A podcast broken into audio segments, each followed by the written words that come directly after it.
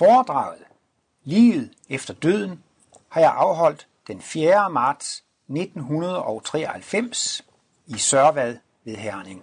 I en lang årrække blev foredragene arrangeret i selve Herning, men en, øh, en årrække i midten af 90'erne blev foredragene flyttet til et privat hjem i Sørvad, hvor de blev arrangeret af Karen Jacobsen. Med hensyn til Herning kan jeg fortælle, at det var i Herning, jeg hørte mit første foredrag med Martinus. Det var mine forældre, som havde lært at kende til Martinus kosmologi, da jeg var 6 år gammel, og da jeg var 9-10 år, så kørte jeg med dem i bil fra Flemming ned ved Horsens, de 50 km op til biblioteket i Herning, for at høre et foredrag af Martinus. Jeg husker jo ikke meget af foredraget, men jeg husker tydeligt to ting. Det ene var, at Martinus afsluttede foredraget med at sige, at vi skulle være som solen. Vi skulle lyse og skinne og stråle og varme på alt og alle. Og ligesom solen skinner på onde og gode og retfærdige og uretfærdige, sådan skulle vi altså også være over for andre mennesker. Og det andet, jeg husker, det var, at der var en af de voksne, der spurgte mig, Nå min lille ven, forstod du noget af foredraget? Og jeg husker klart, at jeg svarede, ja, jeg forstod det hele. Men øh, der havde jeg jo ikke drømt om, at jeg selv, cirka 25 år senere, øh, skulle komme til Herning at holde, holde foredrag. Og øh, på det tidspunkt var det vist øh, Sifri Løvstad, som arrangerede foredragene i Herning. Men øh, dette foredrag blev altså afholdt i Sørvad ved Aulum mellem Holstebro og Herning, og titlen er Livet efter døden. Vær så god. lever. Og det er det i hvert fald nogen, som bliver meget overrasket over. Og øhm, Martinus forklarer netop, når man dør, så er det altså den fysiske krop, der falder bort. Men alle de tanker og forestillinger, man havde lige før man døde, dem har man præcis lige sådan efter man dør. Så der er altså ligesom ikke nogen forskel stort set på tankerne før og efter. Så forskellen består altså i, at det er kroppen, der, der, der er faldet væk. Og det vil også igen sige, at det er den ydre verden, der er faldet væk, men den indre verden, den er der stadigvæk. Og man kan også sige det sådan, at det der, altså før var ens tankeverden og forestillingsverden, den indre verden, den bliver den ydre verden, når nu hele den fysiske verden, den falder væk. Og øh, der vil jeg så gerne fortælle lidt om, hvad Martinus siger, man oplever efter døden. Og Martinus har også gået ind på, hvordan det opleves at dø forskellige aldre. Og øh, der har været en artikel i Kosmos øh, gennem dødens port. Den var der nummer 8, 1988. Det er sådan nemt at huske, det er tre otte-taller. Og der skriver Martinus altså om, hvordan det er at dø som barn, hvordan det er at dø som ung, hvordan det er at dø som voksen, og hvordan det er at dø i alderdommen. Og øhm, der fortæller Martinus, at øh, det er ikke forbundet med noget særligt ubehag at dø som barn. Øhm, børnene, de kommer jo, kan man sige, jo næsten lige fra den åndelige verden, og hvis de så dør, så bliver de så altså sendt tilbage til den åndelige verden igen. Så på en måde så er det ikke så uvandt for dem. Og øh, i andre sammenhænge har Martinus også talt om, at dyre børn, dyre unger osv., de har sådan en helt øh, salige øjne, altså de har en sådan uskyldsglans, eller en sådan renhedsglans. Og det siger Martinus, det er fordi, at de kommer lige fra den åndelige verden. De kommer altså lige fra salighedsriget, og der kan man altså faktisk stadigvæk se, at de har den der salighedsglans i, øh, i øjnene. Men øh, som sagt, altså, det er ikke så uvandt for børn at, at dø og komme tilbage til den åndelige verden, fordi det er næsten lige der, de kommer fra. Og øh, Martinus siger, at der er skytsengel, som kan tage imod børn, når de dør.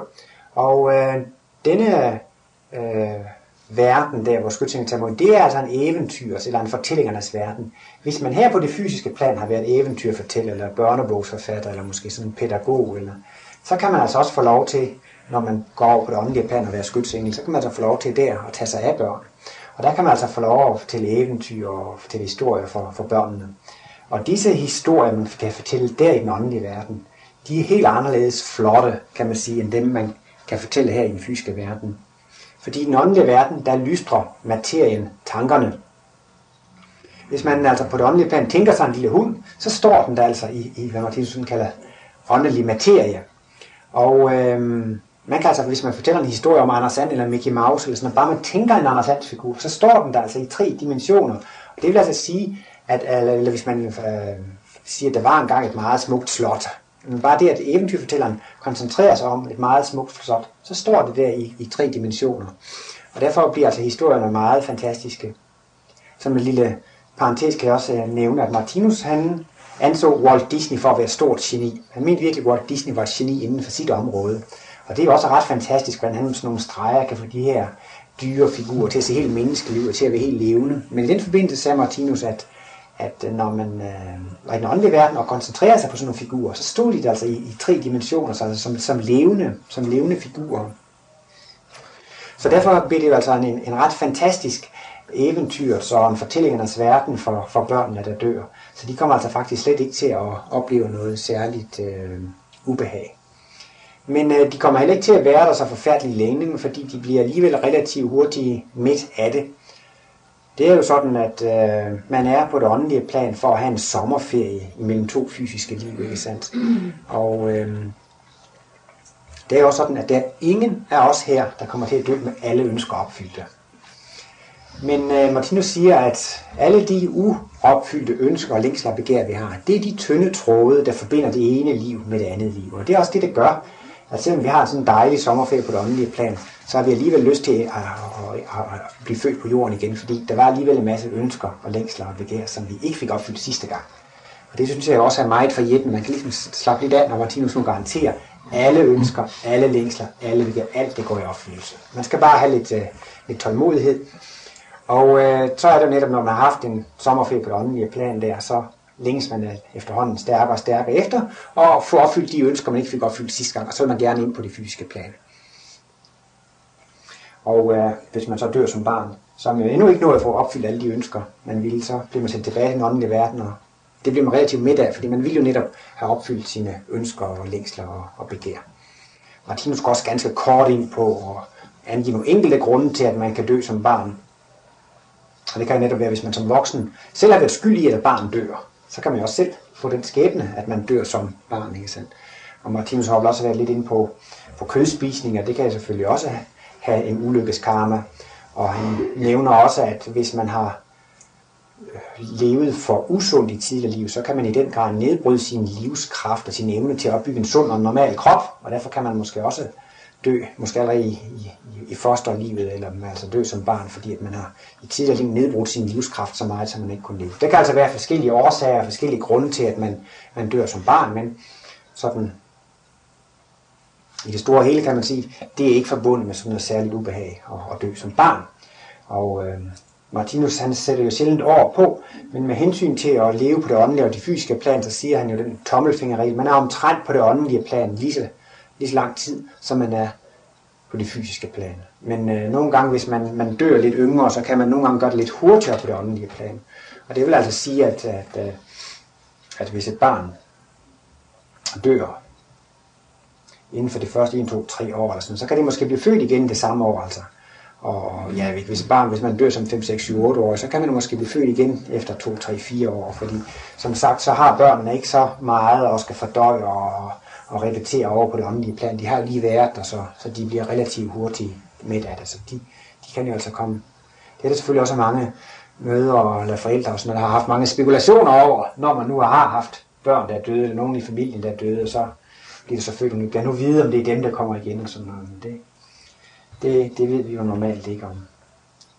Men de kan komme, komme relativt hurtigt igen. Så kommer Martinus også ind på at forklare, hvordan det kan være at dø som ung. Og det kan øh, være forbundet med meget flere problemer. Øh, og vi ved jo også igennem historiens løb, at der er jo millioner af unge mænd, som er blevet dræbt i krigen. Og der er jo også i dag mange unge mennesker, som bliver dræbt ved bilulykker og motorcykelulykker. Og ja, der, der kan være mange grunde til, at man, man, man, man, man dør som ung. Men øh, der er også mange unge mennesker, som, som gør selvmord.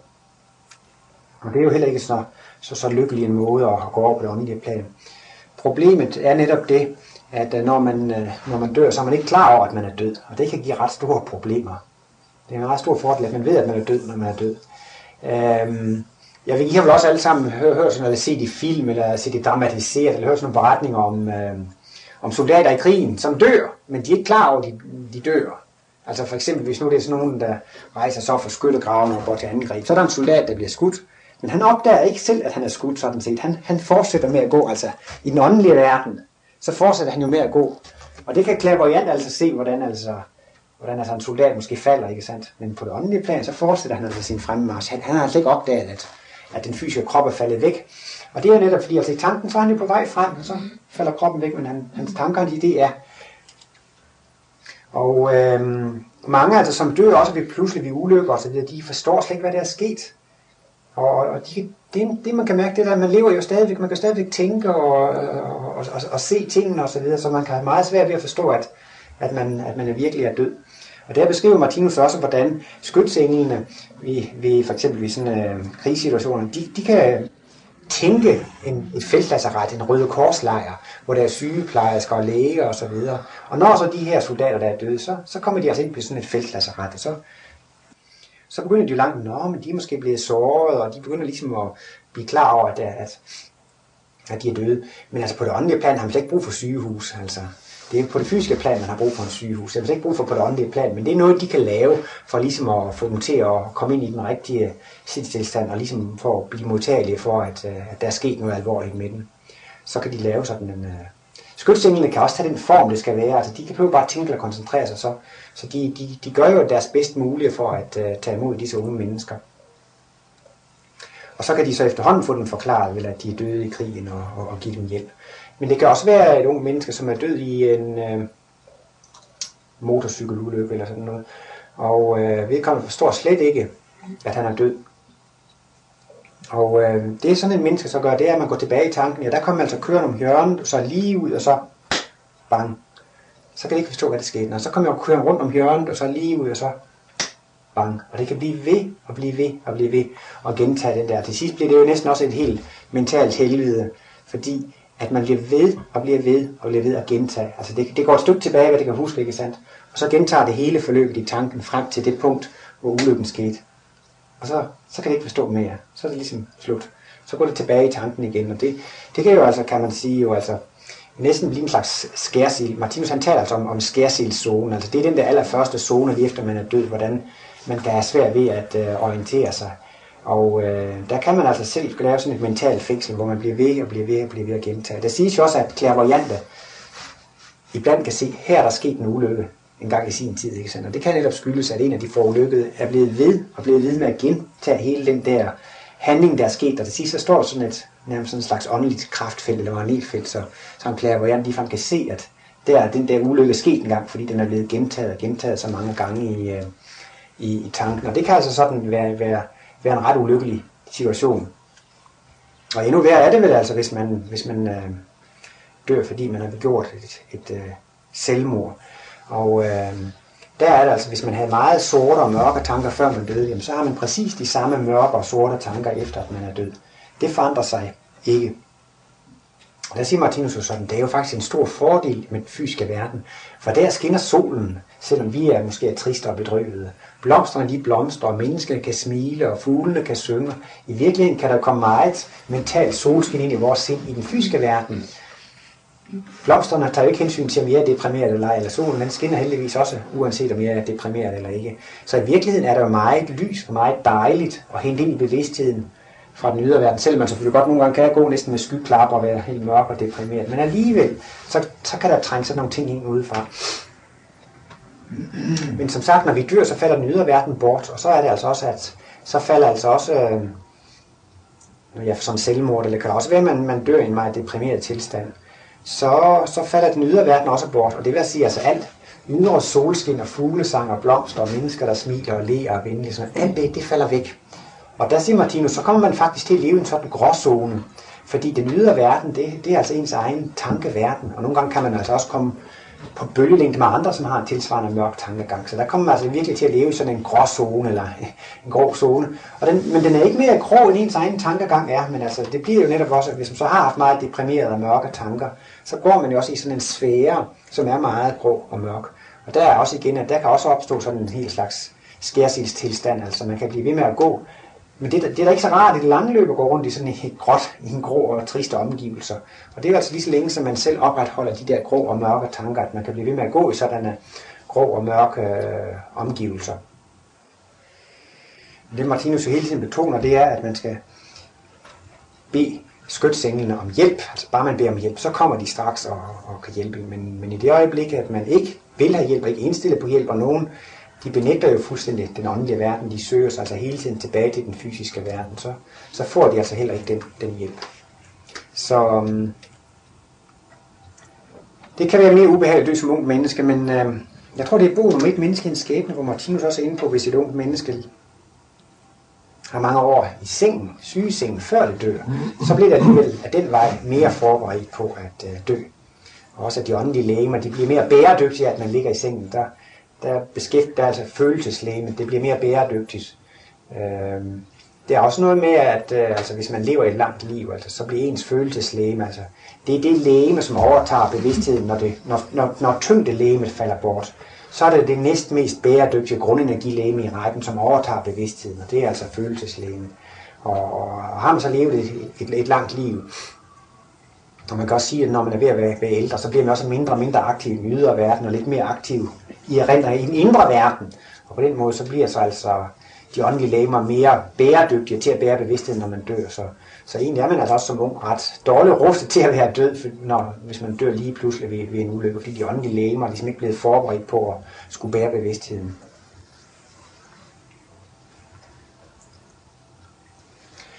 Ja, Martinus han fortæller jo altså også om, hvordan det kan være at dø i manddommens fulde højde. Men der kan man vel generelt sige, at øh, den måde, det opleves at dø på der, det afhænger af den indstilling, man har til livet, og det arbejde, man har, før man dør. Og der kan man vel kort sige, at hvis man arbejder kærligt og altruistisk, og man har idealistiske og hjælpsomme osv. tanker, så kan det blive en ret smuk ting at dø, og det vil være forbundet med meget lidt ubehag. Men hvis man er meget egoistisk indstillet, konkurrencemæssigt indstillet eller forretningsmæssigt indstillet, og også er meget materialistisk indstillet, så kan det altså også være temmelig ubehageligt at, at dø i sin manddomsfulde højde. Jeg tror også, det er som sådan en lille familieomstændighed, vil Martinus nævner, hvis, hvis, en, hvis en mor dør for sine børn, øh, så kan hun få lov til at arbejde som skytsengel for sine børn, og det kan jo så også være en stor interesse for hende på det åndelige plan at få lov til at øh, ligesom tage sig af eller hjælpe sine børn derfra fra det åndelige plan. Jeg tror, også Martinus giver et eksempel med sådan en forretningsmand, som dør, og øh, han er måske netop meget egoistisk indstillet og meget forretningsmæssigt indstillet, og han er så optaget af, at, øh, at han er lige ved at sætte kronen på værket, og nu skal hans virksomhed blive en stor koncern, og det skal give stort overskud, og han skal blive stor direktør, og det skal give stort overskud osv. Så har han jo også sådan en ret snæver tankeverden, hvor han altså tænker på, og han vil slet ikke kunne slippe sin forretning og sin forretningsverden, når, når han dør. Så vil han altså også, selvom han er død, så vil han stadigvæk gå rundt i sin virksomhed og følge med i, hvad der sker, og han vil være optaget af, hvor meget han nu sælger, og hvor mange penge han kan få ind for det. Og, men han vil efterhånden alligevel komme til at opdage, at de andre i firmaet, de kan ikke se ham, selvom han går rundt i firmaet, og han er meget optaget af, af de der tanker. Og han kan selvfølgelig blive ved med at tænke, så køber han det, og så sælger han det, og så videre. Men det bliver altså også en slags skærsilsunge, et, et mentalt helvede for ham til sidst, fordi han, han, øh, det kan jo ikke rigtig føres ud i virkeligheden. Altså, det er bare noget, der kører i hans egne tanker, og til sidst, så er det jo altså det eneste, der kører rundt i, i, øh, i, i, i hans tanker. Øhm, Martinus er, er, er jo inde på, at øh, den åndelige verdens bølgelængde, det er kærlighed. Og øh, hvis man, før man dør, er helt på bølgelængde med den åndelige verden, altså på bølgelængde med kærlige tanker, så bliver det jo en meget blid og meget nem overgang til den åndelige verden. Men hvis man derimod altså er meget egoistisk og hadefuld, eller ja, har sådan nogle tanker, som går helt imod, så, så er man jo meget disharmoni med den åndelige verden, og derfor får man også tilsvarende besvær ved at gå over til den åndelige verden. Jeg kan også lige nævne, at øh, at hvis man dør som øh, alkoholiker eller stofmisbruger eller sådan noget, så har man jo også fået en fysisk vane. Og øh, derfor er det jo selvfølgelig ubehageligt at miste den fysiske krop, hvis man i den grad øh, lever for at have en, en, en fysisk, fysisk last eller en, eller en fysisk vane. Øh, det kan man selvfølgelig godt på det åndelige plan forestille sig, at man drikker en øl, men det giver altså ikke den samme ro, som, som det gør på det fysiske plan, så det, det er sådan set lidt utilfredsstillende at bare forestille sig, at man, man drikker en øl der. Og derfor søger sådanne alkoholikere sig til, når, også når så længe de ikke rigtig forstå, forstået, at de er døde, så, så, så føler de sig tilbage til det fysiske plan, fordi at de vil i nærheden af den rus igen. Og så vil de så også søge sig ind på, på værtshus og så videre, og føle sig ind i nærheden af, er berusede mennesker, så de kan sådan næsten ligesom sådan snylde lidt på deres aura, eller søge sig ind i nærheden af, af mennesker, der er beruset, eller de kan søge sig ind i nærheden af, af narkomaner, hvis det er det, man, man har været før. Martinus har også engang øhm, øh, fortalt om, at øh, han modtog mennesker, som havde problemer. Og jeg tror, det er der to gange, han har haft en kvinde, som har haft problemer med, at hun er blevet besat fra den åndelige verden. Den ene, det var i hvert fald en kvinde, som havde arbejdet med noget automatskrift. Og hun, hun, hun opdagede, at hun kunne lære automatskrift ved en eller anden ånd, som, som fik hende til at skrive, og så kunne hun jo så læse, hvad der blev skrevet og så videre. Og den ånd begyndte altså at få mere og mere magt over hende. Og øh, denne ånd ville altså også have, at hun skulle tage tøjet af, og hun skulle lægge sig til at unionere. Og det var altså helt tydeligt, at det var en ånd, som ville have, have noget sex, som ville altså have indflydelse på hende på den der måde. Og hun gjorde jo så altså altid, hvad, hvad den der ånd sagde, men det gjorde hun altså så længe og så ofte, så til sidst så, så mistede hun altså faktisk selv sådan kontrollen over det, den her sexmisbrug af han ånd fik altså mere og mere, og til sidst så kunne hun ikke engang rigtig sådan passe sin arbejde, fordi så kunne han også komme over hende, mens hun sad på arbejde og, og så videre. Og så gik hun altså til Martinus, og hun fik hjælp af Martinus, og Martinus fik, fik den der ånd ud af billedet, og fik vedkommende væk og så videre. Men jeg nævner også bare lige som et eksempel på, at den ånd har altså også haft en fysisk last, altså har haft en, en seksuel last, som vedkommende heller ikke ville opgive, efter at vedkommende var død, men søger altså ind på det fysiske plan og søger altså stadigvæk at få, få tilfredsstillet sine, sine fysiske behov på, på det fysiske plan. Så altså alle, der dør med en eller anden fysisk last, de, de bliver jo lidt forvirrede, når de dør, fordi så vil de, når de kommer tilbage, og på plan stadigvæk føle sig og, og, og søge og trænge ind på, på, på, på, det, på det fysiske plan. Så altså hvis man har, men altså også bare i almindeligt, hvis man er meget jordbundet, altså hvis man er meget bundet til penge og materielle sager osv., så, så, så bliver det også ens første interesse, når man dør. Det er jo stadigvæk at søge sig tilbage til det materielle. Men det er en meget ulykkelig tilstand, mm-hmm. fordi når man er død, så er meningen, at man skal slippe det fysiske, og man skal gå ind i de åndelige verdener og få lys og lykke og kraft osv. Og, og, og når man så netop dør som en stor materialist, eller, eller, ja, eller man er meget meget bundet til det fysiske, så man har nogle fysiske behov, så bliver det jo en tilsvarende ulykkelig tilstand at dø. For det første, man gør, når man er død, det er at rette sig tilbage mod det fysiske og søge tilbage på de fysiske planer. Det skulle man slet ikke. Det skulle man bare roligt slet. Det er det, man har fået, uh, fået ferie fra. Så det kan godt blive, blive lidt ubehageligt, hvis man altså hænger meget ved det. Og generelt tror jeg også, man kan sige, at meget egoistisk knytter jo på en eller anden måde alligevel an til en, en interesse i det materielle. Hvis man har været egoistisk på det ene eller andet område, så har det været visse fysiske ting, man gerne vil have, og så bliver man altså hængende i dem, når man, øh, når, når, når man dør. Og i den her bog med, med øh, gennem dødens port, så siger Martinus en fjerde port, det er altså der, når man dør af, af, af alderdom. Og øh, der bruger Martinus, synes jeg, sådan det her smukke billede med solnedgangen. At døden er næsten ligesom en solnedgang, og når solen går ned, så ved vi jo godt, at solen holder ikke op med at eksistere. Den står jo op over andre lande og kontinenter og lyser der. Og sådan er det jo så også, når gamle mennesker dør. Så kan man lige sige, det er jo ligesom også, når solen går ned, ikke sandt? At så går solen ned efter en lang dag, men solen holder ikke op med at eksistere. De her gamle mennesker hører ikke op med at eksistere, men deres sol står så op over nye lande og kontinenter og lyser og, og stråler andre steder. Men øh, det er jo heller ikke alle solnedgange, som, som er lige flotte. Det kan jo være nogle gange, når vi skulle ud og se efter en solnedgang, at vi bliver skuffet over, at det var så gråt og kedeligt, og det blev slet ikke noget farvesceneri. Og sådan andre gange kan det jo blive øh, farvepanorama i perlemorets glans og så videre. Man synes, det kan være så utroligt smukt. Og sådan kan det altså også være, når man dør af alderdom. Det kan være en utrolig smuk proces, og det kan altså også være meget kedelig. Og det siger Martinus, det har meget at gøre med den indstilling, man har, når man dør. Sådan en grå og en kedelig solnedgang kan man måske sammenligne med et menneske, som er bittert. Det læser man der i hvert fald om sådan i gamle romaner, og sådan noget, hvordan forældre kan være bitre over deres børn, og de kan være, at øh, børnene har gjort et eller andet for 10 og 20 og 30 år siden, som forældrene aldrig har kunnet tilgive dem, at han giftede sig med den eller den, eller hun gjorde det og det, og det kan forældrene ikke tilgive, og så går de se sure ud i 10, 20, 30 år og så videre, og det, det kan de nogle gange kan man også ligefrem se det i hulen, altså, altså de ser simpelthen sure ud, fordi de har gået og haft sure tanker måske i 30 år.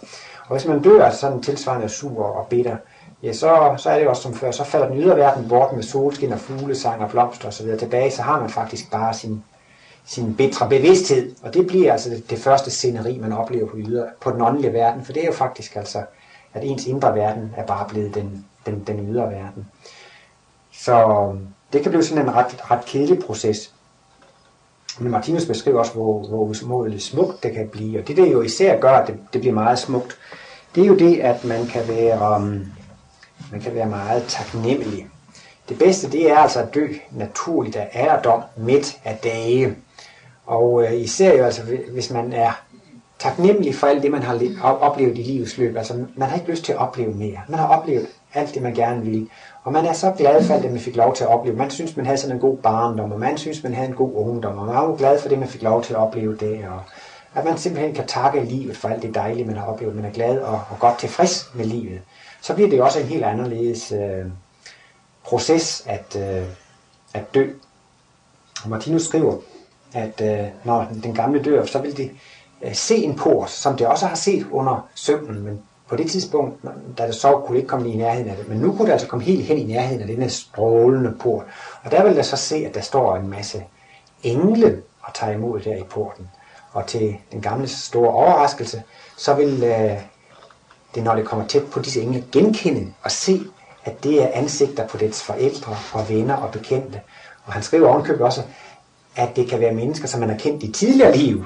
Altså, det synes jeg også lyder meget spændende, når vi engang dør. Det kan være, at vi møder nogle venner, som, som vi ikke engang kender fra det her liv, men som vi alligevel vil kunne kende. Det er nogen, man kender fra, fra, fra Og der beskriver Martinus netop, hvordan den proces vil være en stor glædesfest, en stor jubelfest. Og det synes jeg også er strid. Nej, det er sådan, giver sådan en kontrast, når man nu tænker på, at man står på det fysiske plan og sørger og græder over, at en er død, ikke sandt? Man så forestiller sig, at det er en stor glædesfest, en stor altså, gensyns, gensynsglædesfest over.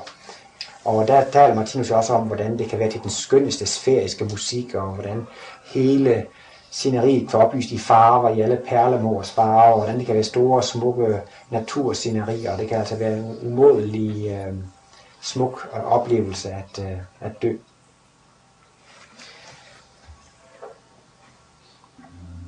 Og den bog, der, der nævner, der bog, eller artikel nævner Martinus netop også søvnen, og siger, at søvnen det er dødens lillebror. Og øh, mange er jo måske bange for at dø, men Martinus han betoner gang på gang, det er så dejligt at dø, og det er så dejligt på den anden side. Han siger, hvis folk virkelig vidste, hvor skønt der var i den åndelige verden, så ville man råbe og skrige og gøre alt muligt for at komme over i den åndelige verden.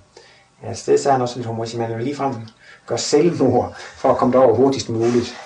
Men altså det, det vil man altså alligevel ikke, og Martinus mener jo, at det, det, er, det er en ret ulykkelig omstændighed at gøre selvmord.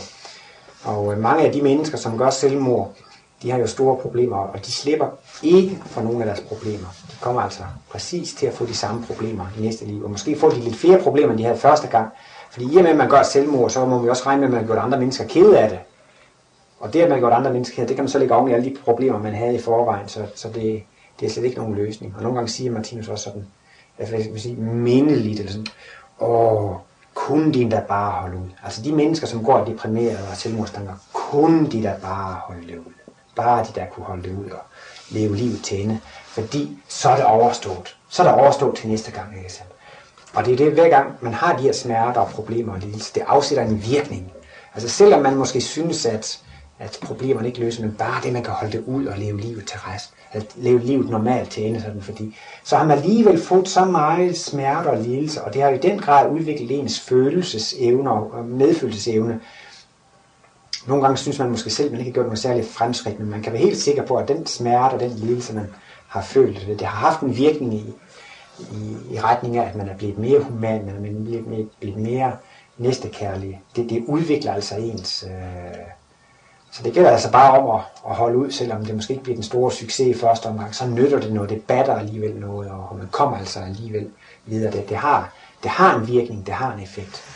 Det synes jeg også tit, sådan, når man snakker om krig og sådan noget, at man tit øh, synes, det er så forfærdeligt håbløst. Også er der sådan mennesker med sygdomme, hvor man synes, det er så håbløst. Og det er netop fordi, at man glemmer at kigge på den virkning, det har, den effekt, det har. Det kan også se helt håbløst ud i Jugoslavien. Ikke? Men man skal jo alligevel tænke på, at hver dag, så bliver der produceret pacifister. Hver dag er der mennesker, som tager afstand fra krigen. Hver dag, så får mennesker nogle smertelige lidelser, som gør, at de tager afstand fra de der ting. Altså, menneskene, de bliver kærligere, de bliver venligere af de, de der ting, de, de oplever. Sådan er det jo så altså også, når vi nogle gange går i vores egen problemer, vi synes, det ser så broget ud, det nytter ikke noget, men det er så alligevel, fordi man glemmer at, at tænke på, at det har en effekt, det har en virkning, og den effekt og den virkning, det er, at man kommer videre i udviklingen. Man har fået udviklet sit følelseslæge med noget, noget mere. Men øh, som sagt, så, øh, så er det altså så, så dejligt i den åndelige verden, altså.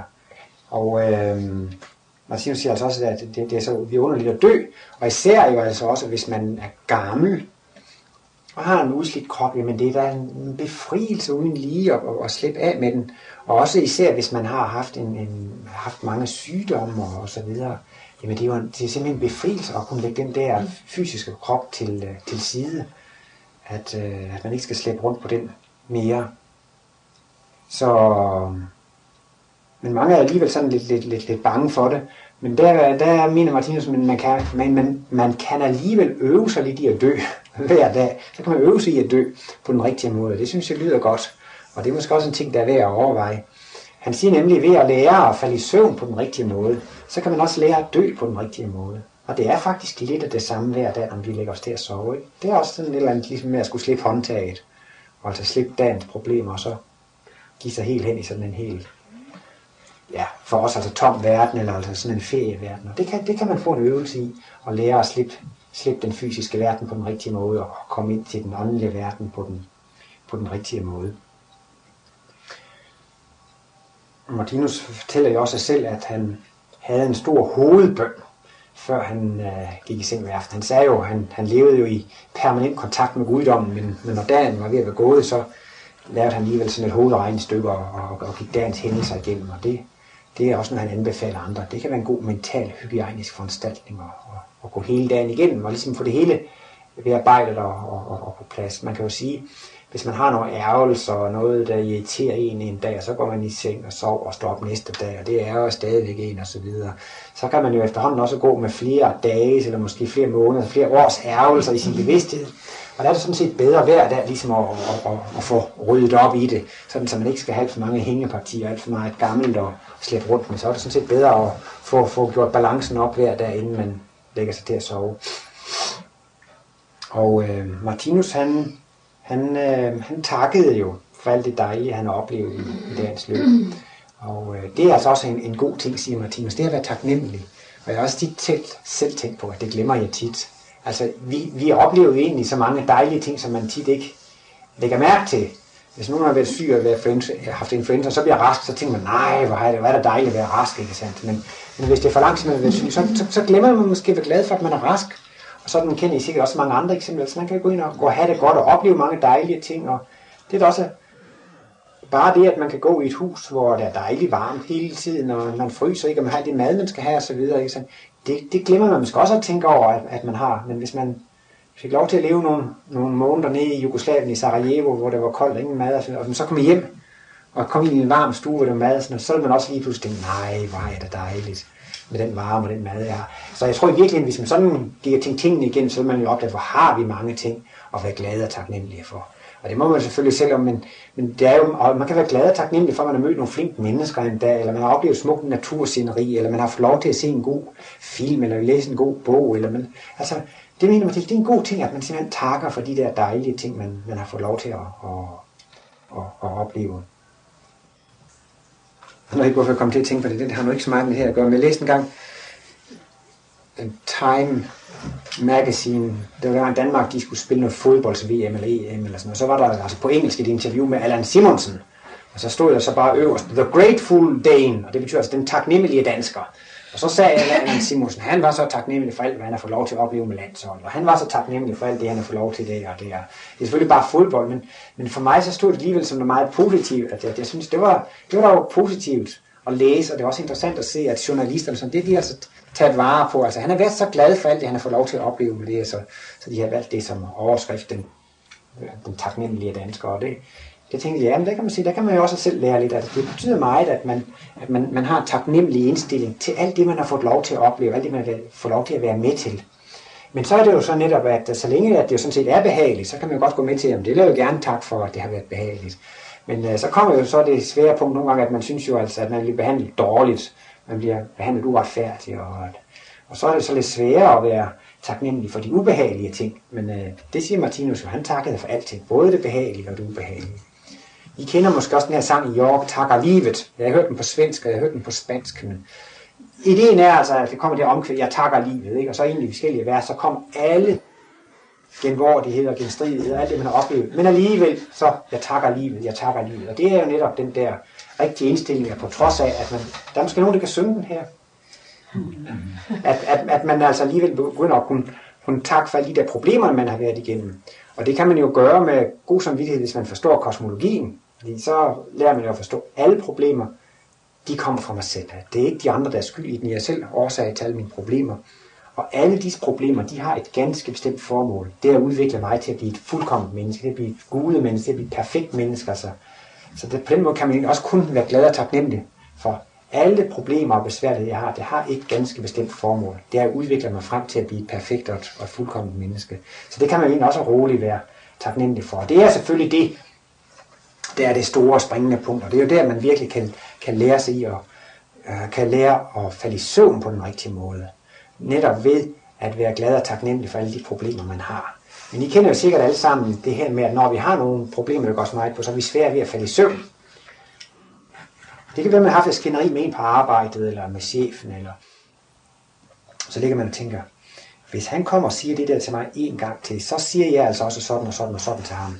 Og hvis han siger det og det, og kommer med det der argument igen, så kommer jeg i hvert fald også med det og det argument. Og I kender, hvordan man kan, man kan ligge og, og diskutere, og hvis han så siger det, så skal jeg give ham ren besked for en gang skyld. Og, og, og så falder man jo ikke i søvn, men man bliver ved med, at man ligger der og hitter sig selv op og kommer selv på nye uforskammelige øh, svar. Og, og så, så, så kommer man jo slet ikke til at falde i søvn. Eller det kan jo også være, at man har bekymring om, hvordan skal det nu gå med huslejen og terminen, og, og så bliver man måske arbejdsløs, og man bliver ved med at køre, og så bliver man sur over, at man er forkert behandlet der, og, og så, så, så kører tankerne rundt. Og det, det er jo netop, når man er utilfreds og sur og føler sig forkert behandlet osv., at man kan blive ved med at køre i sådan et, et, et, et mentalt fængsel.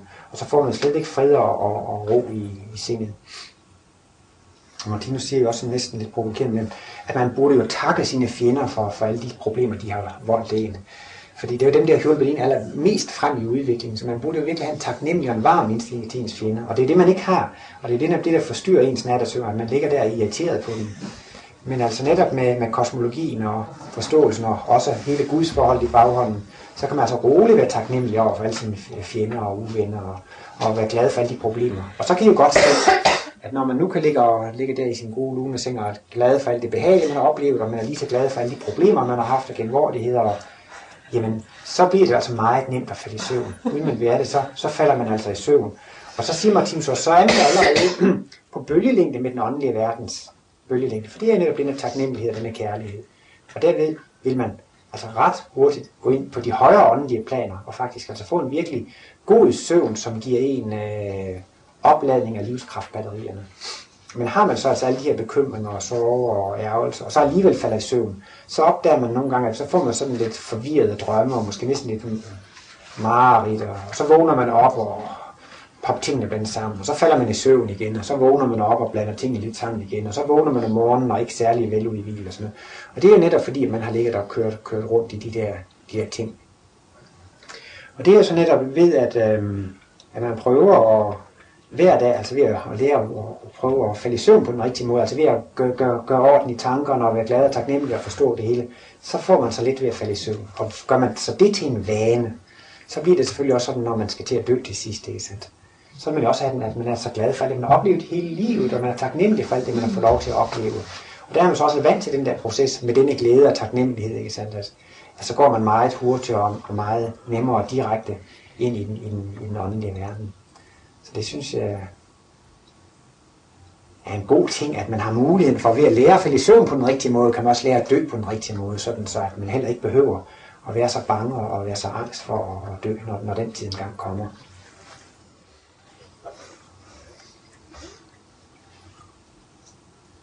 Ja, så skulle jeg måske også, det, det er jo meget at sige om døden, men altså det jeg så har været inde på her, det er også sådan mest, hvordan det lige er at dø i den aller, allerførste zone, eller den der overgang. Og øh, Martinus han taler altså om mellemtilstanden, og han taler altså også om skærsildszonen. Og det er altså Det er det allerførste ophold, man har på det åndelige plan, lige når man er død. Og i virkeligheden hører det ikke sådan rigtig med til den åndelige verden, fordi, som jeg siger, mange af dem, lige når de er døde, de er stadigvæk fysisk indstillet i deres, i deres tanker. De er så ikke klar over, at de, det er først, når man rigtig er kommet i kontakt med skytsånderne, og Martinus siger, at de kan bortsuggerere de lavere psykiske, fysisk, øh, de, de, de, de, de laver tendenser i, i bevidstheden. Og øh, det har den effekt, at så kan løven og lammet gå side om side i paradiset.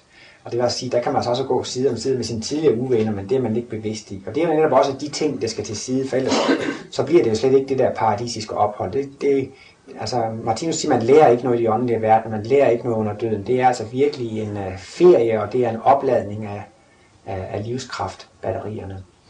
Og det man kan få ud af, eller det man kan opleve i de åndelige verdener, det er altså mm, bestemt af ens egne evner. Og jo flere evner man har, jo mere fornøjelse har man af at være i den åndelige verden. Øh, så man har sådan en kunstudstilling, og så sender man en hund ind på sådan en kunstudstilling, og den løber jo hurtigt igennem den her kunstudstilling, og så kan man sige, ja, den hund, den har sikkert ikke fået, fået så meget ud af at løbe rundt på den kunstudstilling, som, som nu måske kulturmennesker, der kender til malerier. Så det, man fik ud af at besøge de der lokale, det afhænger lidt af de evner, man har.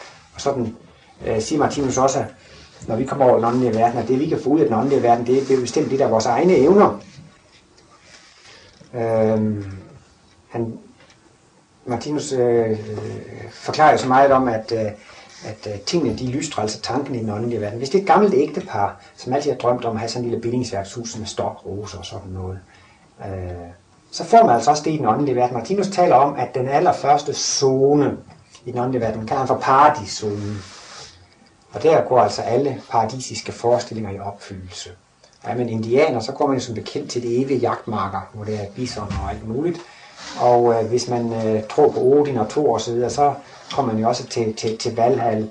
Eller hvis man har sådan en meget gammeldags øh, dogmatisk kristelig opfattelse, så kommer man også ud på den store hvide sky, hvor Gud sidder på tronen med Jesus ved den ene side, og englen, der står på skyerne og synger på harp, og den, den store hvide flok. Og, så altså, der kommer man altså til at opleve det, det, det, de, de, de paradisforestillinger, man har, det får man lov til at opleve. Og øh, der siger Martinus sjovt på de bånd, vi har hørt over i Klintet. Hvis nu det er sådan et gammelt ægtepar, der altid ønsker sig sådan et bundehus med stokroser, og de sidder altså foran der i solen, så, så, så hver gang de tænker på det hus der, så sidder de foran det der smukke hus. Og så siger han, men når de ikke tænker på huset, så står det der ikke. Men det opdager de aldrig. For hver gang de tænker på huset, så står det der. og det er så sjovt. Men altså, sådan er det altså der i, i, i, i den åndelige verden, altså, at der lyster ting, altså tanken. Og øh, ja, Martinus har også engang altså forklaret, at øh, den paradiszone, den er relativt stor ved de primitive udviklingstrin, og så bliver den mindre og mindre, jo højere udviklet man bliver. Altså det kan man altså sige, altså de her primitive mennesker, de har så mange paradisforestillinger, altså det er sådan ligesom en slags, slags eventyrverden. Men efterhånden, som man vokser i intellektualiteten, så får man lov til at opleve nogle mere intellektuelle ting. Øh, man går faktisk igennem spiralkredsløbet seks rige i, i den der dødscyklus, ikke sandt? Og det vil altså sige, at når vi forlader den fysiske verden, så det første åndelige læme, der, der, der tager over, det er altså følelseslæmet.